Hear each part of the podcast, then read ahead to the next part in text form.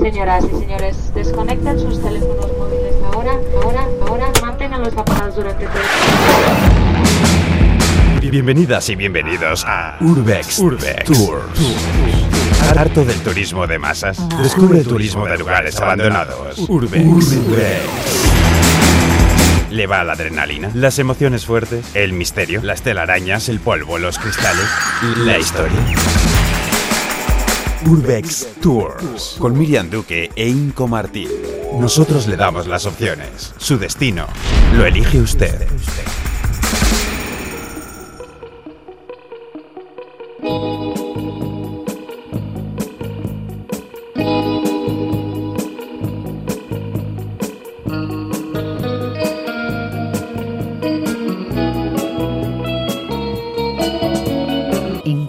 ¿Qué tal? ¿Cómo estás? Muy buenas, ¿qué tal? Muy bien. Pues muy bien, con ganas de viajar. ¿A dónde nos lleva hoy el Urbex? Eh, pues con la mochilita bien preparada los dos nos vamos a ir a, a hacer las Américas y nos vamos de ruta por el continente americano a la búsqueda de, pues, del dorado del Urbex.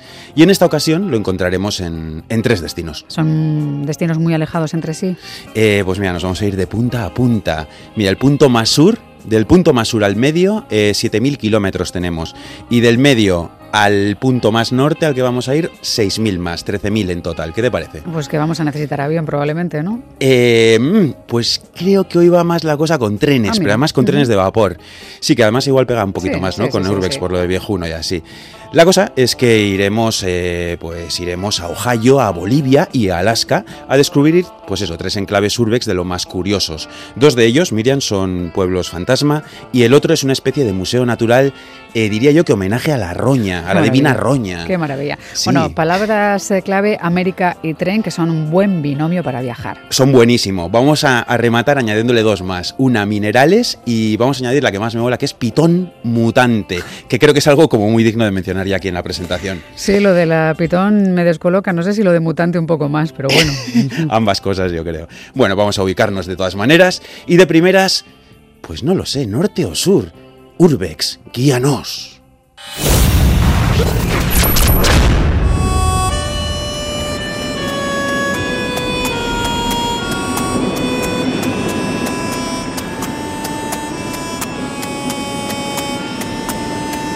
Menudo frío hace un Uy. Madre mía.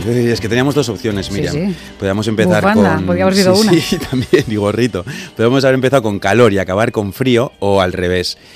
Y yo qué sé, pensé que acabar con el cuerpo frío como que, como que no mola, ¿no? Mm. Bueno, pues buena idea, ¿eh? pero esto es frío extremo y en un sitio, no sé, bastante inhóspito, ¿no? Eh, welcome to Alaska. Estamos más concretamente en Kennecott, o Kennecott, que también se llama así, que es lo que fue un antiguo pueblo asentamiento minero, que como ves, y para regocijo de los hijos e hijas del Urbex, como somos nosotros, eh, pues se ha convertido en un lugar fantasma, pero que allá en su época dorada, pues sus minas, las minas de Kennecott, fueron las minas de cobre, atención, más ricas del mundo enterito. ¿Y cuándo fue aquella época dorada? ¿Tú has escuchado cuando llegábamos aquí cómo sonaba el trote de unos caballos, con el viento, con la ventisca? Eh, Sí, eh, he temido que fuera a ser el comienzo de una estampida. Se han calmado, me he quedado No, un poco no, más tranquila, pero No, sigo atenta, también Aqu- te digo. Aquello, Miriam, fíjate tú, eran ecos, pero ecos del año 1900. O sea, que caballos fantasmas, ¿no? Sí, algo así, yo creo. Sí, eran ecos del trotar de dos caballos cabalgados por los buenos de Clarence Warner y Jack Smith, el cual tiene un alias que se llama Tarántula, es. Tarántula, y le voy a llamar a partir de ahora Tarántula porque me mola. ¿Vale? Eh, bueno, ellos eran dos exploradores que andaban por la zona a la, a la búsqueda de un golpe de fortuna. Un golpe de fortuna en forma de cobre. Eh, de cobre. Yo creo que iban a por oro, pero bueno, el cobre tampoco está mal, ya verás por qué. Mira, al parecer la búsqueda pues estaba siendo, estaba siendo larga y los caballos pues estaban muertitos de hambre. Así que de repente vieron a lo lejos una llamativa colina verde y se dijeron, Hey Tarantula, llevamos allá los caballos, veo pastos self-service. Tarantula respondió, Oh yeah Clarence, good idea. Total, que llegaron al lugar y mientras los caballos se ponían las botas, Tarantula y Clarence se dieron cuenta como que el suelo, como que tenía un brillo raro, especial. ¿Era el brillo del cobre? El brillo de la fortuna, Miriam. El brillo de la Algo fortuna, sí, sí. Estaban sobre el mayor depósito de cobre del planeta. Así que raudos y veloces, nuestros dos afortunados exploradores consiguieron nueve socios inversores y crearon la Kennecott Mining Corporation. y de ahí a explotar la zona a lo loco, a lo bestia. Crearon cinco minas. La principal se llamaba, como no, Bonanza y las otras se llamaban Glacier, Jumbo, eh, Eri y Mother Lodi. Eh, todas ellas conectadas con la principal, o sea, con la Bonanza, por 7 millas de túneles bajo montaña, o sea, que cavaron de lo lindo. Sí, pero, pero estando esto en un lugar tan inhóspito y aislado, algo más tendrían o necesitarían, ¿no? Para explotar el negocio. Efectivamente, sí, pero bueno, Clarence y, y Tarántula lo tenían todo pensado. Hicieron fábrica para tratar el mineral, almacenes varios, una estación de ferrocarril, más un ferrocarril que llegase hasta la, hasta la costa. ¿Por qué? Pues para exportar el cobre.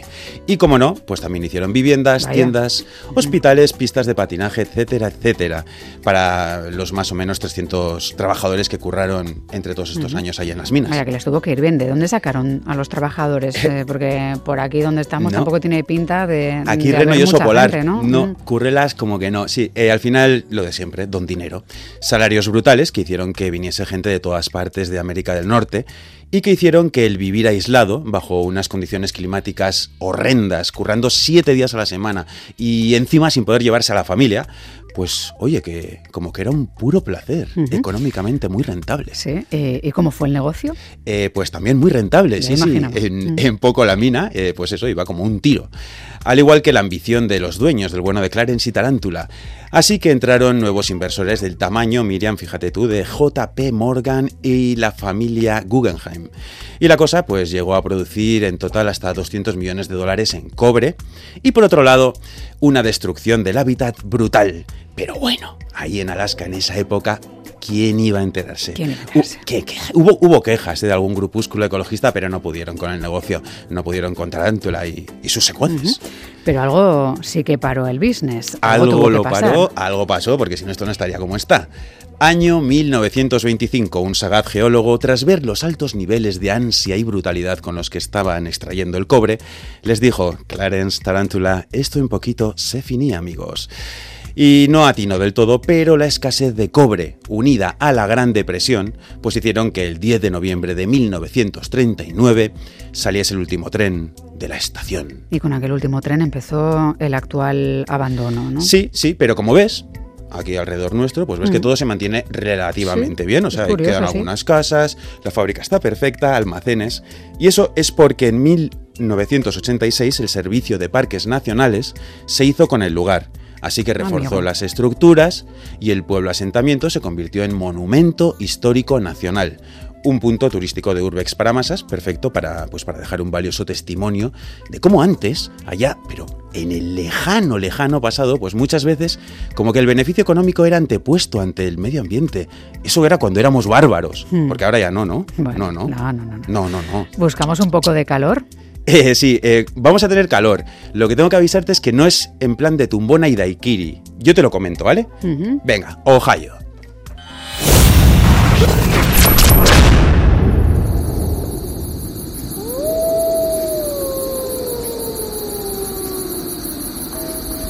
Bueno, calor. Así de primeras, más que calor, lo que siento es miedo, ¿no?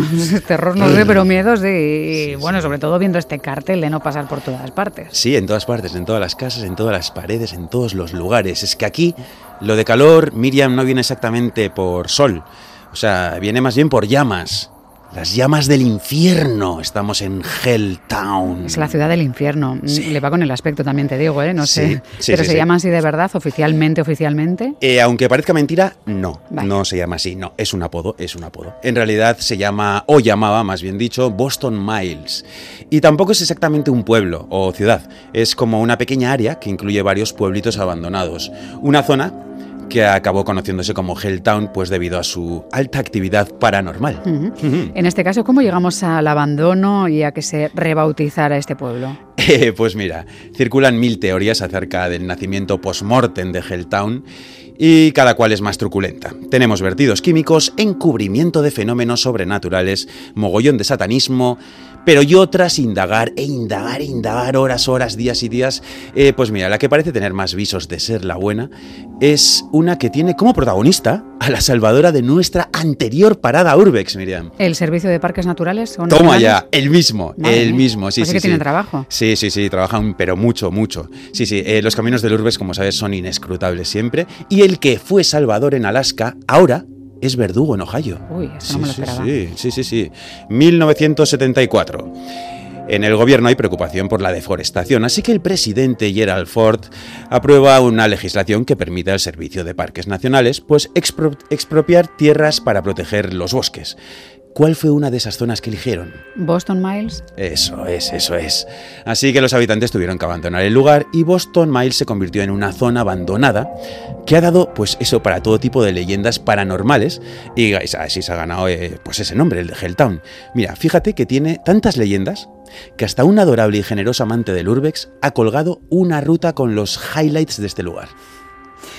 Ponme algún ejemplo, por favor. Hay peña para todo, ¿eh? Sí, en este sí. mundo. Está guay. Eh, mira, podríamos empezar pues, pues este paseo infernal por Helltown en, lo- en la iglesia, por ejemplo, que está en el centro además. O sea, que La perfecto. blanca. Sí, la blanca, esa iglesia blanca que vemos ahí al fondo, que si te fijas bien tiene cruces invertidas. Mira tú. Sí, sí, sí, sí. Hay gente que comenta como que esto era, que aquí se hacía culto satánico. También hay algunos que dicen que se sacrificaban animales dentro. No lo sé. O sea, tal vez lo de las cruces es porque en el Renacimiento gótico a veces se ponían así. No, por un terremoto nunca. Demasiado simple, me parece. ¿no? Sí, mola más lo de satanismo y sacrificios, Sí, ¿no? sí, sí. sí, sí, sí. Bueno, continuaríamos, por ejemplo, con el puente embrujado, en el que al parecer cuando cruzas se escuchan lloros de un bebé. Uy. Y que si se te ocurre aparcar el coche, no lo sé, eh, pues al volver puede que te encuentres con las ventanillas plagadas de huellas de niños. Hombre, de verdad que esto ya me está poniendo un poco los pelos de punta, ¿eh? Sí, hay que ir en bici y a las este lugar. campanadas está siendo un poco tremendo. Y el goteo, ¿oyes el goteo? Sí. Alguien se ha dejado abierto el grifo. Sí, una cosa como roñada, ¿no? Alguna tubería roñada. Sí, mucha roña. Espérate después. Eh, bueno, luego continuando con nuestra ruta por Helltown, este maravilloso pueblo, lugar, lo que sea, pues podríamos ir a la zona mutante, que está muy bien también, sí, tal vez por lo de, lo de mutantes, vertido, por- ¿no? Sí, porque hubo un vertido, eso dicen. Y en ella lo más top que pues, nos podemos encontrar es la pitón de la península, la que mencionábamos al principio, que es como una serpiente mutante gigantesca, pues que debe de deambular por ahí por los bosques buscando papel humano, a nosotros. Eh, también dicen como que hay otros animales mutantes, pero no he encontrado información sobre si son buenos o malos, cosa que cada uno que haga lo que quiera. Sí, yo creo que va a ser mejor que empecemos a desandar lo andado y poner rumbo a casa, no sé. Sí, tendríamos, por ejemplo, para acabar la ruta del infierno, o no, sí, para acabar esta ruta del infierno tendríamos el bus escolar.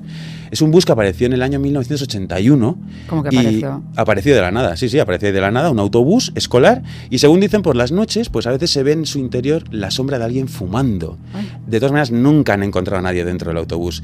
Supuestamente los niños y niñas de ese autobús fueron asesinados o bien por un loco, que podría ser el de la sombra, el de la sombra esta fumadora, o por una secta satánica una vez más. Bueno, mira, lo de la sombra fumadora sí que me parece una fantasía a tener en cuenta, ¿no? Eh, sí, sí, sí, sí, me parece bastante original. O sea, la secta ya lo hemos tenido en la iglesia, o sea que Hmm. mejor variar. Luego se podría seguir por una llamada carretera del infierno, luego está la cabaña del bosque, y hay incluso un cementerio que, por cierto, se llama Madre de los Dolores, así en español, ¿eh? No, mira. O sea que el que se aburre en Helltown es porque quiere, claramente, ¿no? Sí, sí, sí, sí, o sea que el aburrimiento no existe. Lo que no sé si han explotado es el tema postales, porque ahí, o sea, hay para hacer unas cuantas y molonas, ¿no? Venga, venga, siguiente destino. Bolivia.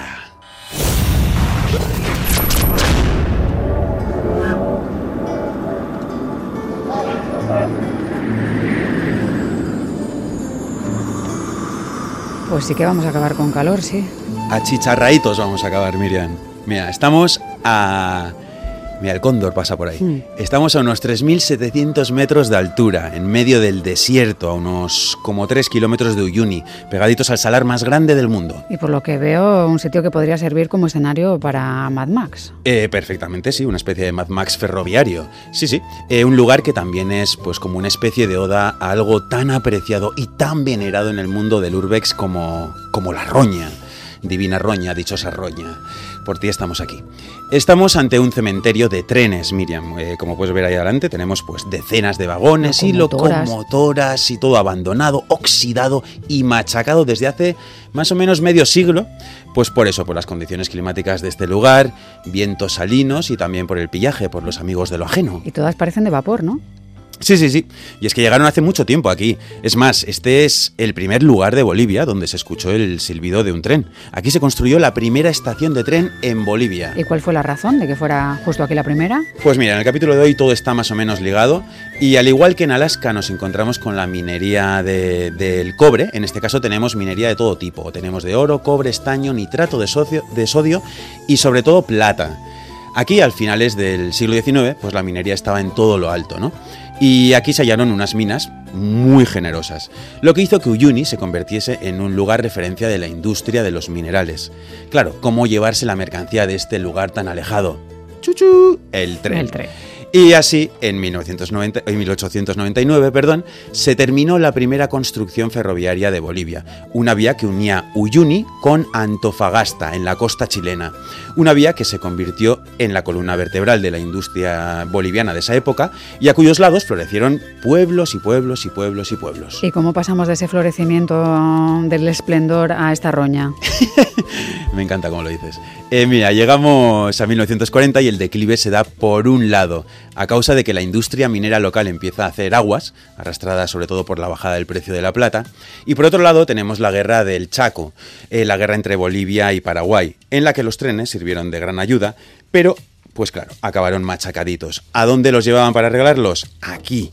La cosa es que no sé por qué, pues nadie los arregló y esta acabó por ser su última parada. Como la nuestra de hoy, ¿no? ¡Oh, qué bien llevado! Muy bien, muy bien, eso es, sí, sí, sí. Bueno, eh, información para quien quiera venir aquí, eh, recordarle ponerse la antitetánica, muy Sí, importante, sí, mucha sí. roña. Y luego también yo recomendaría darse prisa, porque con esto de que el salar es como la ambición number one de los todopoderosos de hoy en día por, por el litio, pues quién sabe si los rusos, yanquis, chinos, yo qué sé quién, no pondrán de nuevo la maquinaria en marcha para esquilmar la zona y nos quedamos sin los trenes. ¿Qué te parece si nos subimos a uno de los vagones para ver el paisaje? Así Pues como sí. despedida. Sí, sí, no te dejes Tienes nada. la que nos antitetánica, vamos, ¿no? ¿eh? Eh, sí, sí, sí, sí, ¿La tienes sí, si no me la volveré a poner. No te dejes nada. Nos vamos. Venga, chao. Adiós. Adiós. Adrenalina, misterio, historia. Urbex Tours. Turismo de lugares abandonados. Con, con Miriam Duque e Inco Martín. Porque abandonado no significa vacío.